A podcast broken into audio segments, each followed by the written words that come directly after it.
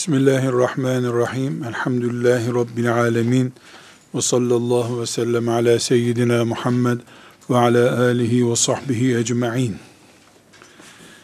Yaşadığımız zaman için ve bizden sonraki kıyamete kadar yaşayacak insanların zamanları için fitneler bu hayatın realitesidir. Fitnesiz olması mümkün değildir. Kadın erkeğe, erkek kadına karşı fitnedir. Mal bir fitnedir, siyaset bir fitnedir ve benzeri fitne çeşitlerinden söz ediyoruz. Bu fitneleri bize Rabbimiz kitabında haber veriyor.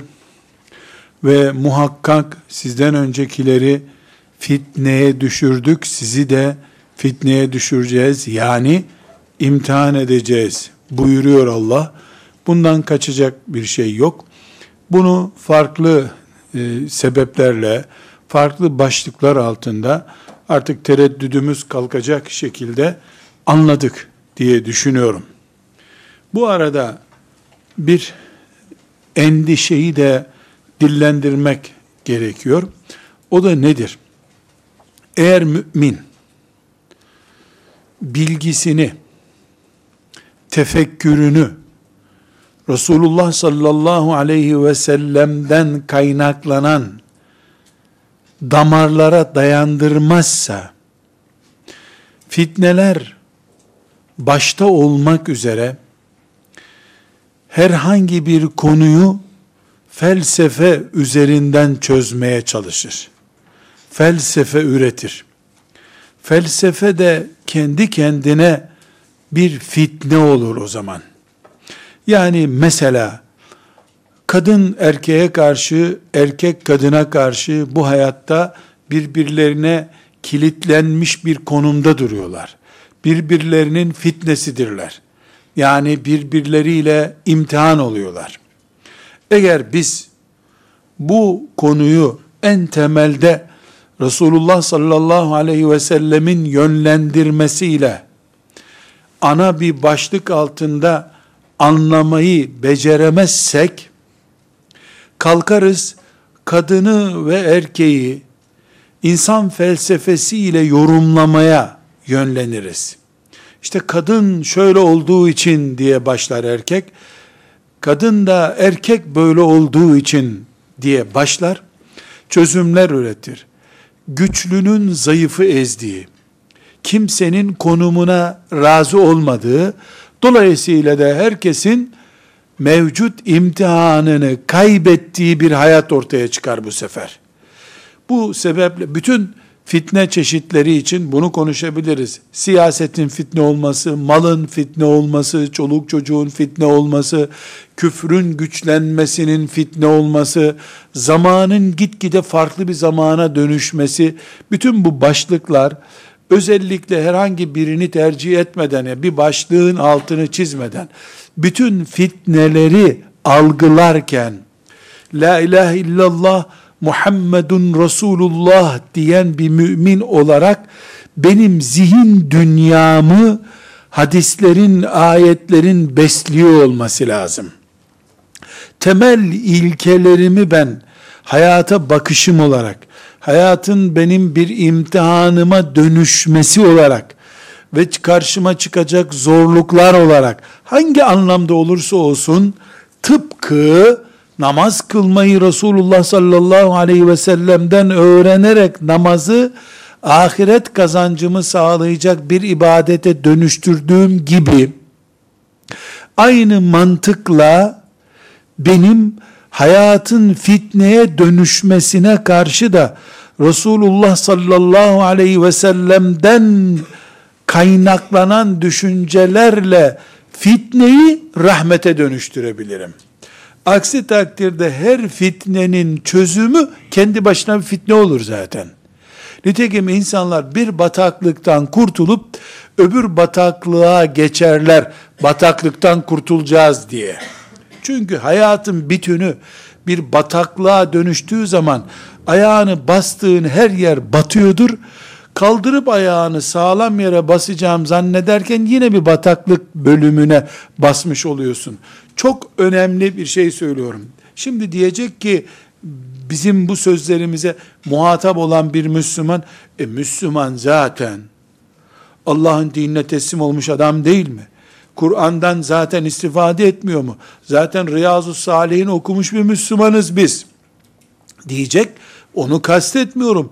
Elbette la ilahe illallah Muhammedun Resulullah diyen bir insan herhalde neticede e, Allahu Teala'nın e, rahmetinden, Allahu Teala'nın ona gönderdiği rahmet sebeplerinden istifade eden insandır. Özellikle bu asırda mesela karşımıza çıkan fitnelerin önünde özellikle o fitneler için gerekli reçete gibi hadisi şerifler söz ediyorum.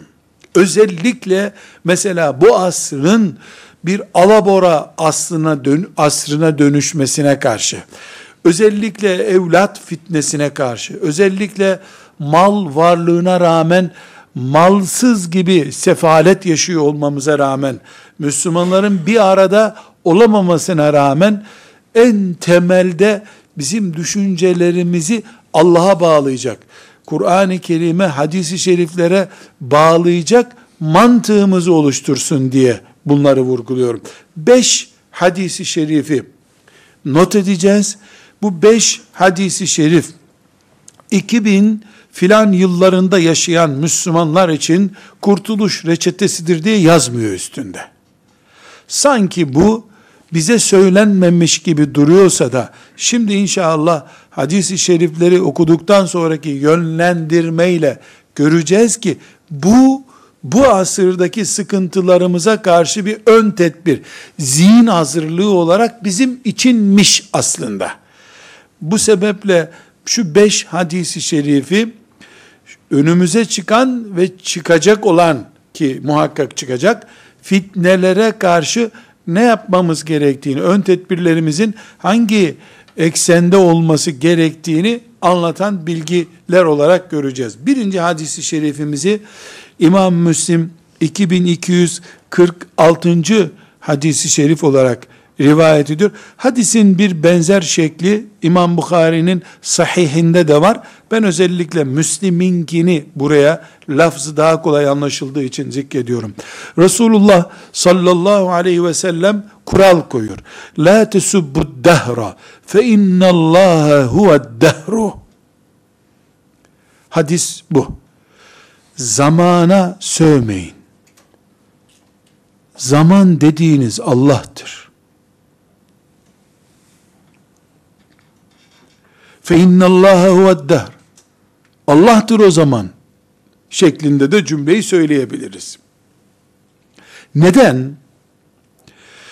Allah yarattığı için kainat var. Allah henüz kıyametin vaktini belir, belirleyip bize uyarlanacak şekle getirmediği için hala hayat devam ediyor. Güneş dönüyor da gün gece bir şeyler oluyor. Bu Allah izin verdiği için hala. Takvim 2000'li filan yılları gösteriyor. Hicretin filan senesini gösteriyor. Hala Allah hayat verdiği için. Allahu Teala bitti tarih dedikten sonra tarih yok ki. Tarihin, geçmişin yani ve müstakbelin yani geleceğin ve mevcut yaşanan zamanın haliki Allah'tır. Celle Celaluhu. Bir mümin Allahu Teala'nın yanlış bir şey yarattığını söyleyebilir mi? İçindeki bütün muhtevası ile beraber bu zamanı yaratan Allah'tır. Teknolojik, medyatik, iletişimin kolay olduğu bir zaman olarak bu zamanı yaratan Allah'tır. Azze ve Celle.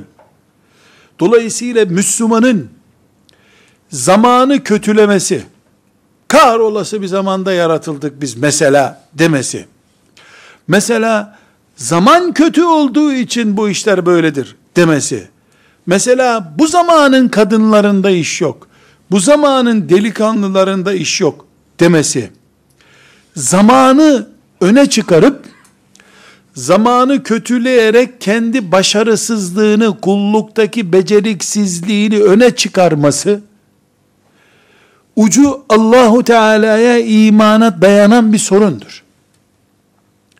seni bu zamanda yaratan, bu zamanı da bu zaman olarak yaratan Allah olduğu müddetçe zaman özrü yoktur kimsenin. O özür şöyle olabilirdi. Allahu Teala 3 asır önce yarattığı, imtihan ettiği kullarına namaz başı farklı bir uygulama yapsaydı, oruç başı farklı bir uygulama yapsaydı, hac başı farklı bir uygulama yapsaydı, kafirlerle cihada farklı bir uygulama yapsaydı, bu zamanda yarattığı kullarına da aynı sevapları vermiyorum deseydi mesela, haşa böyle bir şey yok. İman, ibadet farklı olsaydı 10 asır öncesine göre, 10 asır sonrasına göre, bu zaman o zaman kötü bir zaman olacaktı. Halbuki öyle değil ki Adem aleyhisselamdan beri aynı güneşin altında ışınlandığımız gibi, aynı ay bizi gece aydınlattığı gibi, gece ve gündüz aynı olduğu gibi, iman da aynı, iman ve imansızlığın sonucu olan cennet ve cehennem de aynı, insan aynı insan, iki kulaklı, iki gözlü, bir burunlu, on parmaklı, herkes Adem'in çocuğu.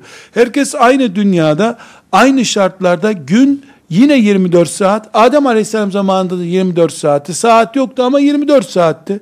Resulullah sallallahu aleyhi ve sellemin zamanında da 24 saatti. Bir şey değişmedi ki. İnsan nimetlerden dolayı bozulduğu için zamanı kötü olarak algıladık. Bu da temelde Allahu Teala'nın sistemine karşı bir anlayışsızlık iyi ifadeyle söylemek için ifade edeyim. Bir anlayamamak ya da bu zamanı kötüleyip filan zamanı kötüleyip Allahu Teala'nın düzenini kabul etmemek daha da ileri gidersek sonucunu getiriyor. Hiçbiri mümin için uygun değil bunların. Böyle bir şey müminin ağzından çıkamaz. O zaman teslim olunacak gerçek şudur. Dün veya bugün ya da yarın bütün zamanlar Allah'ındır. Bütün kullar Allah'ın kullarıdır. Din Allah'ındır.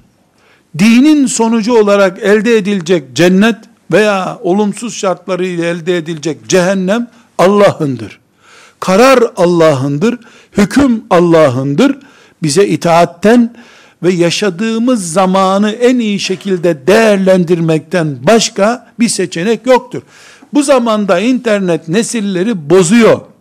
İnternet yüzünden helak oldu gençler diyoruz da internet sayesinde medrese görmeden bütün tefsir kitaplarını gençlerin okuyup masa başında hoca olduklarını niye konuşmuyoruz? E filan zat da bir sahabiden bir hadis okuyacağım diye atına binip devesine binip 3000 4000 kilometre yol gidiyordu. iki gün ders okuyup geri geliyordu. O zaman o da ya biz deveyle ders okumaya gidiyoruz lanet olsun bizim zamanımıza mı diyecekti? Herkes zamanının en iyisi olmaya mecburdur. Zamanı kınayarak sadece sakız çiğneriz. Kınama taktiklerimiz bir sakız çiğnemekten ileri gitmez. Kuru kuruya sakız çiğneriz. Çiğnediğimiz sakızla karnımızı doyurmaz, çenemizi yorar. Hele zehirli bir sakız çiğnerse hepten helak. Bir numaralı hadisi şerifimiz budur. Hangi hadis-i şerif? Zamana sövmeyin. Zaman dediğiniz Allah'tır zaten. Yani karşınızda Allah'ı bulursunuz. Zamana muhatap olursanız. Tirmizi'nin ikinci hadis-i şerife geçiyorum. Tirmizi'nin 2398. hadisi şerifi. Neyi konuşuyoruz? Beş hadis okuyacağız dedim bu beş hadisle hayata, hayatın önümüze getirdiği fitnelere, imtihanlara karşı zihin beslemesi yapacak. Damarlarımıza Resulullah sallallahu aleyhi ve sellem'den telkinatlar aktaracak. Kur'an'dan istifade etmemizi, hadisi şeriflerden istifade etmemizi, hayatı Müslümanca her şarta rağmen yaşayıp Rabbimize mümin olarak gitmemize yardım edecek beş temel prensibi oluşturan hadisi şerifleri okuyacağız. İkincisi, Said bin Ebi Vakkas e, radıyallahu Sa'd bin Ebi Vakkas radıyallahu anh diyor ki Resulullah sallallahu aleyhi ve selleme dedim ki ya Resulallah insanlar arasında en çok sıkıntıyı kim çeker? Çünkü sıkıntı çekiyor herkes. En çok sıkıntıyı kim çeker? Buyurdu ki peygamberler sonra da ağırlığına göre herkes. İnsanlar dindeki ağırlığına göre imtihan olurlar. Eğer dini, dindarlığı yani, güçlü ise sıkıntısı da çok olur. Eğer dini yani dindarlığı zayıfsa Allah ona fazla musibet vermez. O kadar ki mümin kul sıkıntılarla boğuşa boğuşa sonunda tertemiz bir kul haline gelir ve Rabbine öyle gider. Ümmeti Muhammed'in temel karakterini Peygamber sallallahu aleyhi ve sellem anlatıyor. Kim en büyük sıkıntıyı çekiyor? Peygamber. Peygamberler. Sonra da ağırlığına göre. Hangi ağırlığına göre? Dindarlık ağırlığına göre. Din kuvvetli ise adamın bünyesinde, ailece, şirketinde, yürürken caddede, onun sıkıntı numarası daha büyük. Din hafifledikçe, Allah'ın şeriatına bağlılığın ve teslimiyetin azaldıkça sıkıntılar da azalıyor. Açık seçik hadisi şerif bunu ikaz ediyor. Bu ikazdan biz ne anlıyoruz? Dinimizden birilerinin telkin ettiği gibi sekülerizme geçersek, demokrasiyi tam ruhumuza sindirirsek, işte liberalizmi serbest bırakarsak vesaire vesaire oldukça bak sorunlar bitiyor. Doğru biter. Bir itirazımız yok. Çünkü çünkü Allah'a yükselmeyi hedefleyenler kesinlikle daha çok yorulacaklardır. Çünkü uçsuz bucaksız bir feza yolculuğu yapmak istiyordur bu. 5 litre benzinle fezada tur atamazsın. Yerde sürünmek isteyen için ise yakıta ihtiyaç yok. Dağdan saldın mı kendini? Bir en yakın denize kadar rahat gidersin. Sıkıntılar, meşakkatler ve fitneler bazında bunu kullanıyoruz biz şimdi. Bu fitneler bizim iddialarımızdan kaynaklanıyor. Çok istiyoruz. Allah'ı ve cemalini istiyoruz. Bunun bedelsiz olmasını talep edemeyiz. Dolayısıyla fert olarak A ve B Müslümanı meşakkat çektikçe Allah'ı ve cemalini istemenin, cenneti ve Resulullah sallallahu aleyhi ve sellemin havzu kevserini istemenin faturalarını ödüyordur. Bu faturaları fertler olarak ödüyoruz, ümmet olarak da ödüyoruz. Yarın Musa aleyhisselamın dırdır eden ümmeti de mahşer yerine gelecek. Hiçbir fatura ödemeye yanaşmadılar. Sen ve Rabbin git savaş biz burada bekleriz dediler. Hazır pişmiş bıldırcını bile beğenmeyi brasa istediler Allah'tan. Şımarık, dırdır, ağzı kapanmaz, çenesi açık bir kavim. Onlar da mahşer yerine gelecek. Atını denize sür arkandayız ya Resulallah diyen. Meşakkatten meşakkate geçtikleri halde hiçbir şekilde ferahat etmeyen en büyük faturaları ödemiş ümmeti Muhammed de mahşer yerine gelecek. Onun için cennetin kapılarının ilk açılacağı ümmet Muhammed ümmeti olacak en son geldikleri halde. Onların 10 gün peygamberleriyle katlanamadıkları çileye 1400 senedir bugüne kadar belki de bugünden sonra kaç bin sene Allah murad ettiği kadar katlanan bir ümmet gelecek ahirete. Başta peygamberimiz olmak üzere aleyhissalatü vesselam. Sonra onun biricik ashabı ve ondan sonra gelen Allah'ın bütün samimi dostları, müminler ve fertler hiçbir sıkıntısı olmasa bile 60 sene hiçbir kafirle, düşmanla, hastalıkla karşılaşmayan bir mümin bile her gece uykusunu sabah namazında bölmek gibi bir zorluğa katlanması en azından bu ümmetin ödediği çile faturalarından bir tanesidir.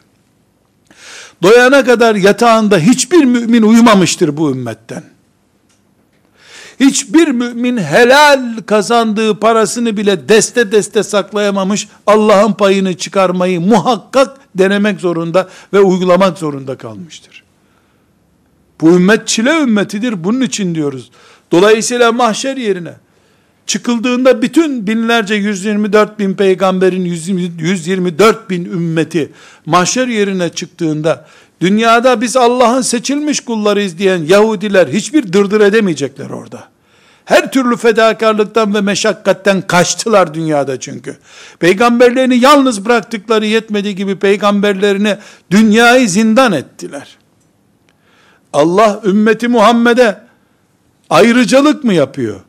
Ümmeti Muhammed cennete bedava giriyor, Havzu Kevser onun oluyor, Tuğba ağacı onun oluyor, makamı Mahmud oluyor. Bütün bunlar ayrılık mı sorusu bile sorulamayacak kıyamet günü. Neden? Bu çilelerin, bu dünyada şeytanın binlerce senedir biriktirdiği şer projelerinin karşısında ümmet olarak ayakta durmayı becermiş ve hakkın bayrağını düşürmemiş bu ümmet ve bu ümmetin gençleri, bu ümmetin kadınları, bu ümmetin ruku yaparak, secde yaparak Allah'ı tesbih ve tazim eden ihtiyarları, bu ümmet varlığıyla fatura ödeyen, önceki ümmetlerin korsan faturasını ödemeden gittikleri bu dünyada şeytanı mutlu edecek şekilde korsan ücretini ödemedikleri, alnın terini silmeyi beceremedikleri bu dünyada onların da birikimlerinin tamamının faturasını ödeyen bir ümmet olarak dirileceğiz. Meşakkatlerimiz boşuna değil. Biz çilemizin bitmeyeceğini biliyoruz. Ama bu çilelerden sonra Allah'ı ve cenneti bulacağımızı da biliyoruz. Dolayısıyla biz bugün fitnelerle karşılaştıysak, 10 bin yıldır en azından hesabını kitabını yaptığı fitneleri şeytan karşımıza çıkardıysa, bugün 10 Müslüman bir araya gelirse muhakkak 5 grup olurlar onlar diye, daha sonra o 5 gruptan da 3 grup daha çıkar diye parçalanmaya ve bir arada olmamaya doğru görüntü vermiş bu ümmet, Elbette bu çilelere katlanacak. Elbette bu sıkıntılarla imtihan olacak. Neden? Çünkü Adem Aleyhisselam yaratıldığı günden beri iblis bu ümmetin ve bütün insanlığın parçalanması için uğraşıyor. Biriktirdiği bütün şer projeleri, bütün lanetli işleri biriktire biriktire bizim önümüze yığdı. Koca Adem Aleyhisselam'dan beri yuvarlanan bir çığı karşımızda bulduk. Onun için peygamberimizin torunu da bu işe kurban edildi. Onun için Resulullah'ın mescidinde aleyhissalatü vesselam namaz kıldırırken Ömer'imizi şehit ettik. Onun için bu ümmetin çilesi bitmiyor. Çünkü Adem Aleyhisselam'dan beri bütün kavimlerin, bütün peygamberlerin istisnası belki bir iki tane çıkacak kadar yoğun bir şekilde bütün peygamberlerin kavimlerinin kaçtığı meşakkatlerin üzerine üzerine giden bir ümmetiz ve bu dindarlığımız kadar da ağırlığıyla gelmektedir. Allah'ın huzuruna giderken de o ağırlığın yansıması aynı şekilde biiznillah hissedilecektir. Üçüncü hadisi şerifi, neyin üçüncüsü? Zihinlerimizi fabrika ayarlarına döndüren, yaratılış maksadımızı, ümmeti Muhammed olma farkımızı ve bu hayatı Allah'a teslim etme sevdasıyla yaşayan, ağaçları ve kayaları bile Allah'a secde ettirmenin arzusu içerisindeki müminlerin zihin mantalitesini oluşturan Üçüncü hadis-i şerifimiz Bukhari'de 3024. hadis-i şerif, Müslim'de 1741. hadis-i şerif. Resulullah sallallahu aleyhi ve sellem buyuruyor ki ey insanlar düşmanla karşılaşmayı arzu edip durmayın. Allah'tan afiyet isteyin. Ama düşman size gelir de karşılaşırsanız sabredin. Bilin ki cennet kılıçların gölgesi altındadır. Sadaka Resulullah sallallahu aleyhi ve sellem. Bizim mantığımız ne demek ki? Bela aramayız biz. La tetemennev liqa'el adu. Düşmanla karşılaşmayı temenni etmeyin. Bela istemiyoruz biz. Ey Allah'ım afiyet ver bize diyoruz. Afiyet ne demek? Dertsizlik demek. Derdimiz olmasın ya Rabbi. Böyle isteriz. Bela peşin, bela peşinde koşan bir ümmet değiliz biz. Ama düşman karşımıza çıkınca da sabrederiz, kaçmayız. Biliriz ki cennet kılıçların gölgeleri altındadır. Kılıçların şakırdaması yani cihadın sembolü olarak kılıç burada. Yoksa şu anda kılıcın o değeri yok. Ama cihadı sembolize ettiği için Resulullah sallallahu aleyhi ve sellemin zamanında onun gölgesi altındadır cennet. Yani hareket ettirdiğin kılıçlar kadar gölge bulacaksın. O gölgede cennet olacak. Bu hadisi şerif zihnimizde neyi oluşturuyor? Bela peşinde koşan değil ama belalara karşı direnebilen mümin olmak kalitesini oluşturuyor.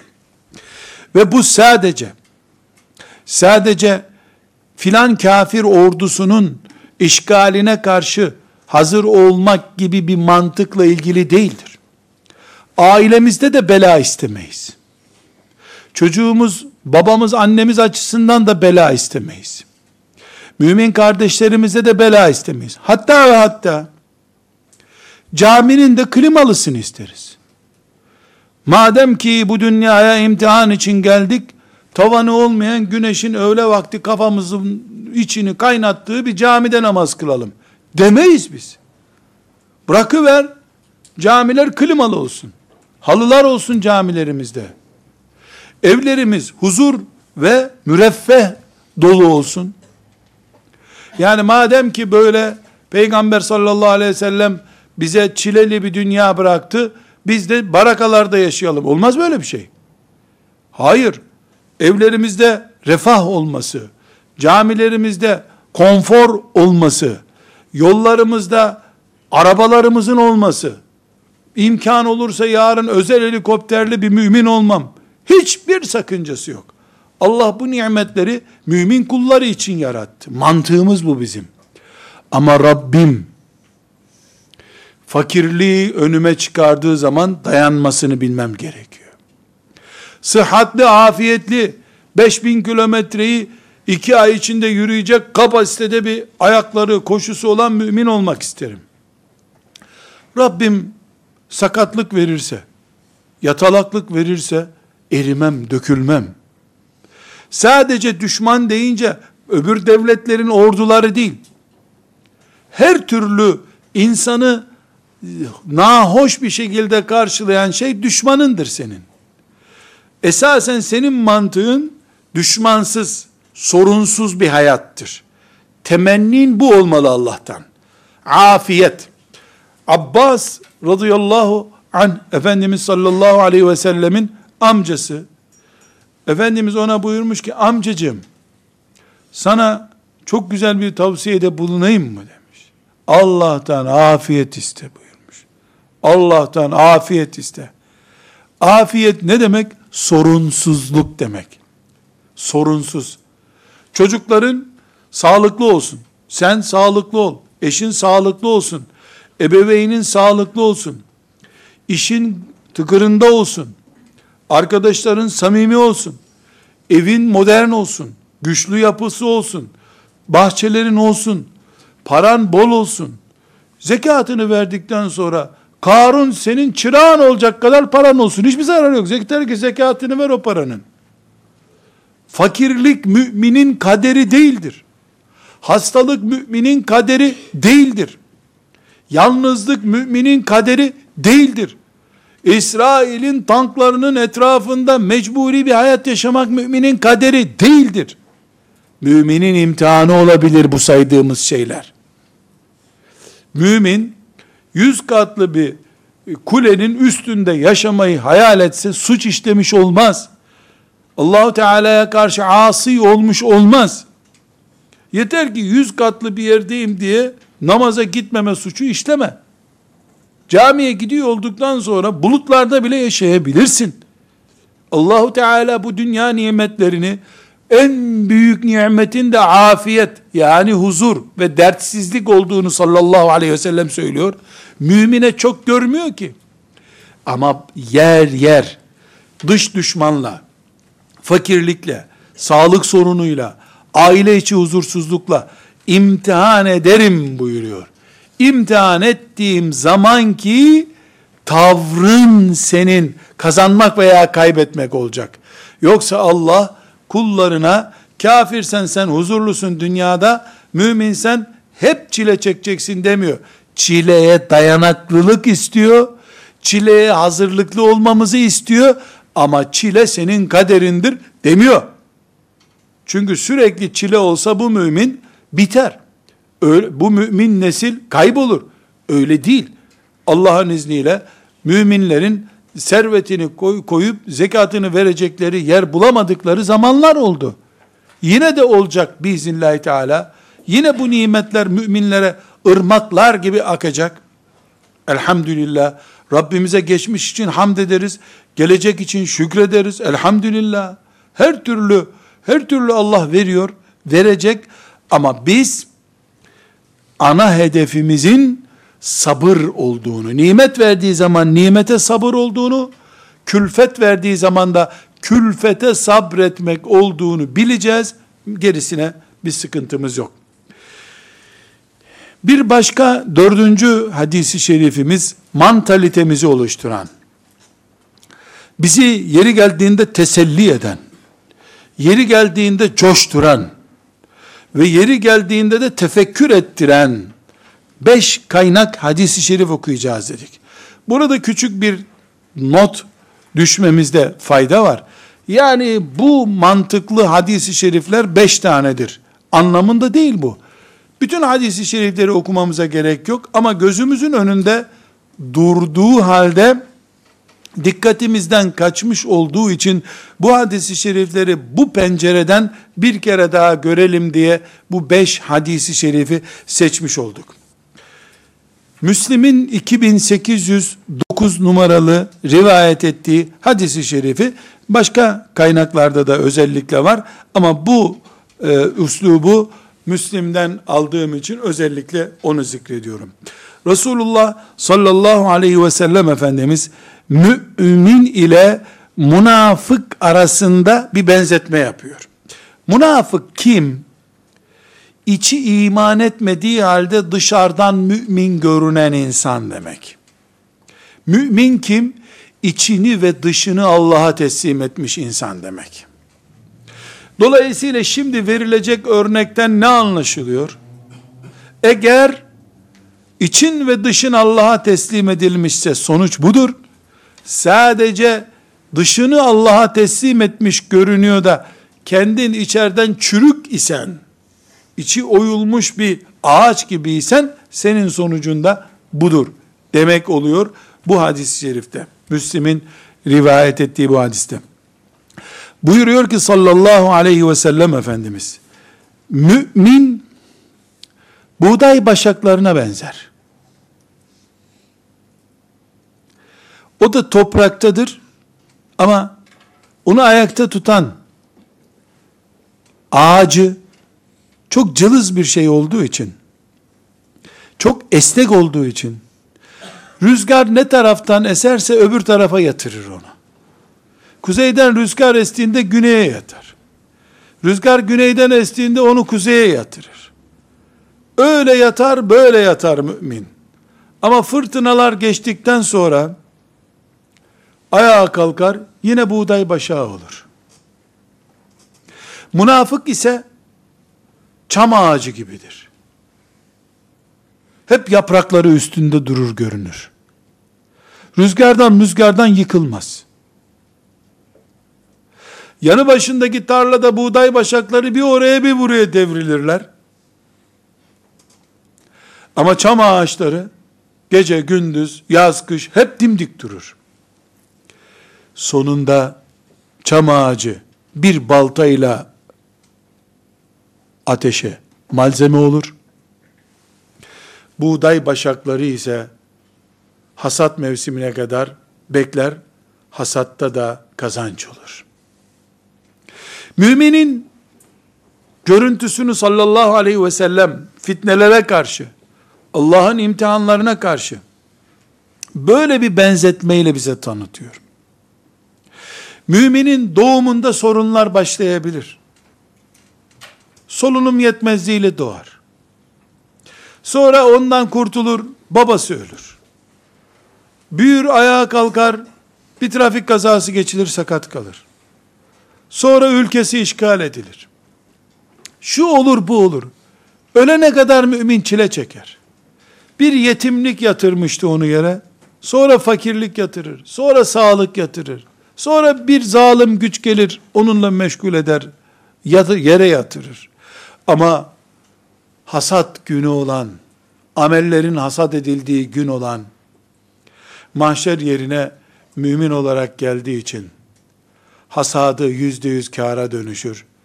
Cennete girince de, çektiği bütün çileler, tatlı bir hatıradan öteye gitmez. Mümini bu şekilde görüp, bu şekilde kabul edersin. Kafire bakarsın ki, kafir hiç hastalanmıyor. Hastalansa da onun gribi iki günde iyileşiyor. Hep bir yerden bir kredi buluyor, para sıkıntısı çekmiyor. Mezarlığı bile kafirlerin, Müslümanların mahallelerinden daha şirin görünüyor olabilir. Ama cehenneme odun olmak üzere yıkılmış gitmiş oluyor. Bu hadisi şerifi başı ağrıdığı zaman her mümin düşünmek zorundadır. Aile içi sıkıntı çekerken her mümin düşünmek zorundadır. Bu tam bir baş ağrısı kesicisidir. Baş ağrılarını keser. Hayatın aslını öğretiyor.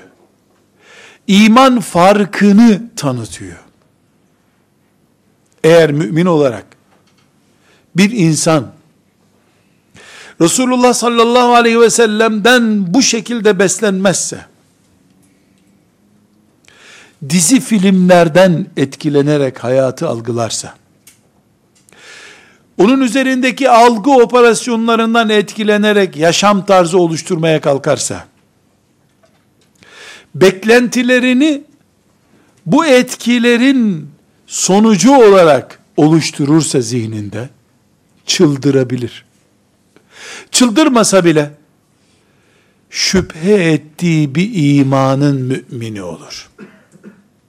Allah'ın azameti, hikmeti, kudreti başta olmak üzere Kur'an'dan şüphe eder. Meleklerin yardımından, varlığından şüphe eder. Peygamber aleyhisselamın sözlerinden şüphe eder. Ve böylece fitnenin içinde ve dibinde bulur kendisini. Ama bu mantığı öz olarak aldığı zaman mümin, bir önceki hadisi şerifte de bela aramaz zaten bildiği için kendisini. Hep afiyet istediği için. Ama bir gün afiyetini bozacak bir şeyle karşılaşırsa ne yapacağını bilen bir mümin olduğu için o mümin rahattır. Bu duygu işte kolu kopan bir sahabiye hiçbir şey olmamış gibi kopmamış koluyla kılıç sallar ruh verdi. Ben bu fani dünyada yarım asırdan fazla yaşadığım halde hala anlayamadım. 8 yaşında duyduğum ama 58 yaşına kadar geldiğim halde hala anlayamadığım ama sahih bir haber olduğu için de yüzde yüz teslim olduğum bir olayı sizinle paylaşayım ki sizin bildiğiniz bir olaydır bu. Ondan sonra siz de karar verin. Müslümanın buğday başağına niye benzetildiğini, kafirin de çama niye benzetildiğini o zaman anlayın.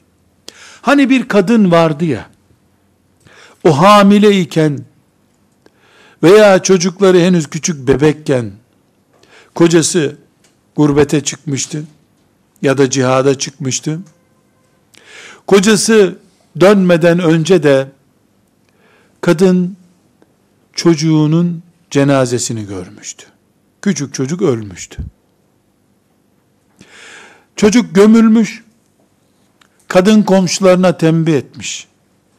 Ben görmeden kocamın geldiğini görürseniz başın sağ olsun filan demeyin demiş. Haberi olmasın. Neticede bir gün adam çıkmış gelmiş. Üç ay, dört ay sonra ne zamansa artık gelmiş. Adamın ilk özleyeceği nedir?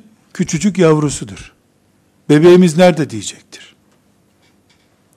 Kadın çocuğun her zaman uyuduğu yere bir minder koymuş. Minderi çocuk gibi yapmış, üstünü de örtmüş yorgan gibi bir şeyle. Adam bakmış orada çocuk gibi bir şey uyuyor.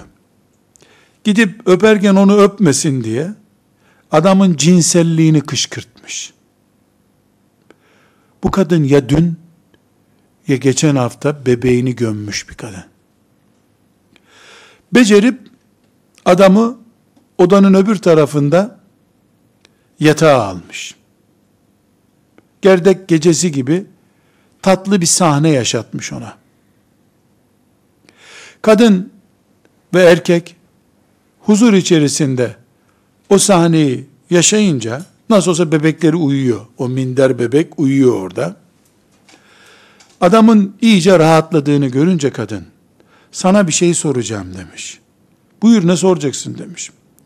Bizim komşulardan birinde şöyle bir olay oldu demiş. Ne oldu demiş. Ya emanet bir şey almış, tencere gibi bir şey almış komşu. Sonra da emanetini istemiş öbür gün. O komşu da nasıl istersin diye kızıyor. Sen ne dersin buna demiş. Ayıp ya böyle bir şey olur mu demiş. Emanetin sahibi ister tabi demiş. Sen de mi o kanaattesin demiş. E, herhalde demiş ya. Emanetin sahibi ister demiş. Yani haksız mı itiraz ederse? Tabi haksız olur demiş. Bizim çocuğu da sahibi aldı demiş. Bu ne orada demiş. Bu minder bizim evin minderi demiş. Be kadın sen bana niye o zaman böyle bir rol yaptın demiş. Ya gurbet acısıyla gelirsin. Çocuğu bulamayınca Allah'ın kaderine karşı ağzından kötü söz çıkar diye korktum demiş. Senin imanını korumak için böyle bir şey yapayım dedim demiş. Bu kadın işte Resulullah sallallahu aleyhi ve sellemin tarif ettiği rüzgarın o tarafa yatırıyor. Rüzgar bitince ayağa kalkıyor. Öbür taraftan rüzgar gelse oraya yatıyor. Yine ayağa kalkıyor. Rabbine imanla gidiyor. Kadın bu kadın işte. Allah ondan razı olsun. Şefaatine erme hayalimizi Allah bize nasip etsin. Kadın be. Kadın yahu.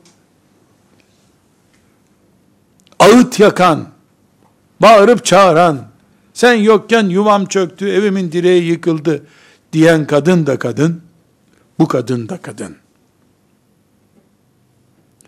Resulullah sallallahu aleyhi ve sellem bu sözleri uzay boşluğuna söyleyip gitmedi. O kadınlara söyledi gitti. Allah onlardan razı olsun. O kadınlar da bu sözleri aldılar. Bir iç organ gibi içlerine yerleştirdiler. Beyinlerine monte ettiler. Bir olayla karşılaşınca da hiçbir şey yokmuş gibi bu dinledikleri hadislerle amel ederek Allah'ın huzurunda kuvvetli mümin, şeytana imanını kaptırmayan mümin olarak bu fani dünyada yaşadılar. Bu dördüncüsünü okuduğumuz hadisi şeriflerin hangisine uyarlarsanız bu kadın karşınıza çıkar. Özellikle bu kadını gündeme getirmek için bunu söylemiyorum. İsmini de özellikle bunun için anmıyorum. İman budur. O kadının adı, adı önemli değil. O erkeğin adı önemli değil. Bu manzara ertesi gün Peygamber aleyhisselama taşındı. Böyle böyle oldu ya Resulallah dedi. Efendimiz sallallahu aleyhi ve sellem Allah size mübarek bir çocuk nasip etsin diye dua etti bu sefer. Sırf bu dua için kadının yaptığını yüz kere yapmaya değerdi. Belki hayatlarının en bereketli gecesini o gece geçirdiler. En bereketli geceyi geçirdiler. Fakat ismi önemli değil. Kimin karısı kimin kocasıydı önemli değil. Müminin tavrı budur. Rüzgar nereye yatırırsa yatırsın rüzgar geçince ayağa kalkıyor. Algı operasyonlarıyla bitmiyor müminin kafası.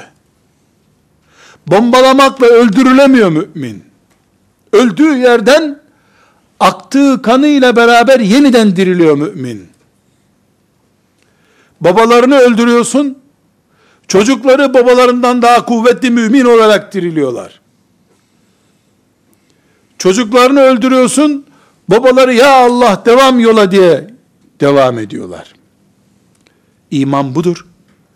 Bu imanla ayakta duranlar Allah'ın izniyle mağlubiyet bilmezler. Ve beşinci hadisi şerif. Müslim'de 2999. hadisi şerif. Tekrar ediyorum. Binlerce hadis-i şerif var. Her biri bizim eczanemizin ilaçlarındandır. Ama ben bu bu asırda dış tehditler, iç sıkıntılar, görgü sıkıntıları, umut kıtlığı ve huzursuz, stresli hayatımızın içinde bu hayatı mümin şuuruyla ve mümin kıvamında yeniden algılayıp Rabbimizin razı olacağı bir mümin olarak yaşamamıza vesile olacak beş örnek diyebileceğimiz hadisi şerif zikrediyorum. Eğer dünya fitne ile dolduysa, Resulullah sallallahu aleyhi ve sellem de bizim kafalarımızı bu bilgiyle doldurmuştu zaten. O kadının kafası dolu olduğu için şeytana teslim olmadı, kocasını da şeytanın elinden kurtardı üstelik. Biz cihada gidiyoruz, arkadan yavrumuz ölüyor dese helak olup gidecekti adam. Helak olacaktı. Gazi olarak geri geldi, belki de imanı kaybolacaktı. Kadın kocasını tanıyor çünkü. Yufka yürekli, çocuğuna düşkün biliyor. Ben bu ümmetin şerefi için gittim, geriden çocuğum öldü diyecekti. Dedirtmedi onu. Kocasını da kurtardı, kendisi de kahramanlık yaptı. Allah ikisinden de razı olsun. Şimdi bu hadisi şerifi dinliyoruz. Efendimiz sallallahu aleyhi ve sellem buyuruyor ki, mümine şaşarım doğrusu diyor. Mümine şaşarım doğrusu. Mümin hep kazançlıdır. Müminden başkasının da böyle bir imkanı yoktur zaten. Mümine Allah'tan bir nimet gelse secdeye kapanır, şükreder, kazanır.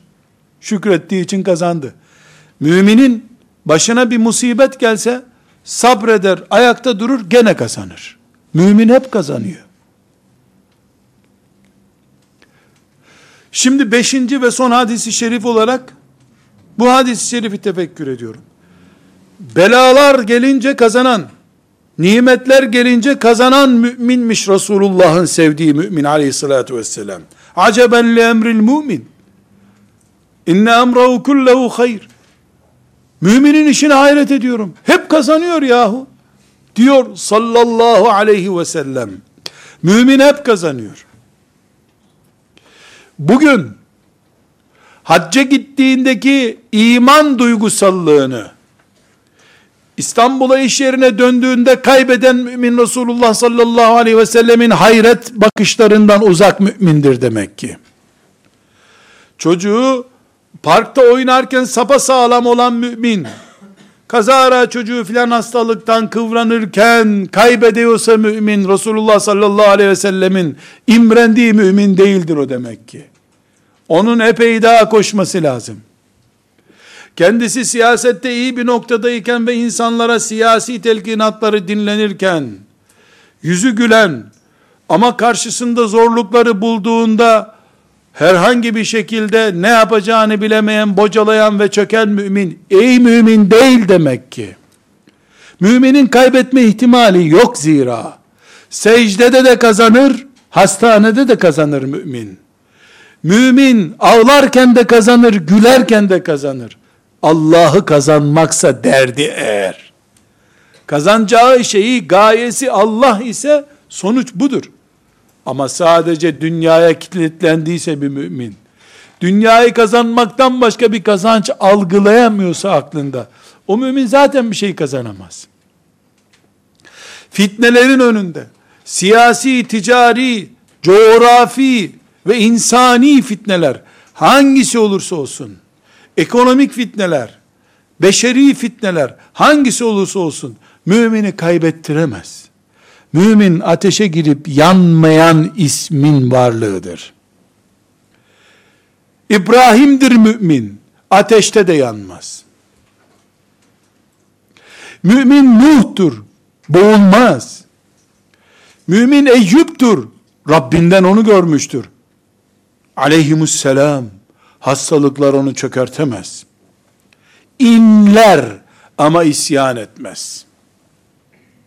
Ağlar ama susmaz, şükreder, hamd eder, tesbih eder Rabbini.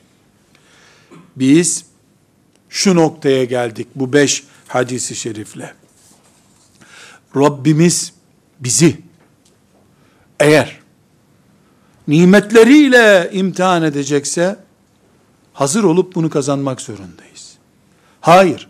Rabbimiz bizi musibetlerle imtihan edecekse hazır olup onu da kazanmak zorundayız. Her iki duruma da hazır olacağız. Ne zamanı kınayabiliriz, bu zaman kötü zaman diyebiliriz. Ne de peygamberlerin bile muaf tutulmadığı bir şeyden muaf tutulmayı isteyebiliriz. Ne de başımıza bela gelsin, düşman gelsin de ölüp gidelim kurtulalım deyip bir çılgınlık yapabiliriz. Bunu istememiz yasak. Ne de bir rüzgar bizi yere düşürünce hop hazır mezar deyip toprağa yapışıp kalabiliriz. Hayır. Bütün bunların hepsini kazanca dönüştürmek zorundayız. Mümin bu adamdır. Ve sallallahu ve sellem ala seyyidina Muhammed ve ala alihi ve sahbihi ecma'in velhamdülillahi rabbil alemin.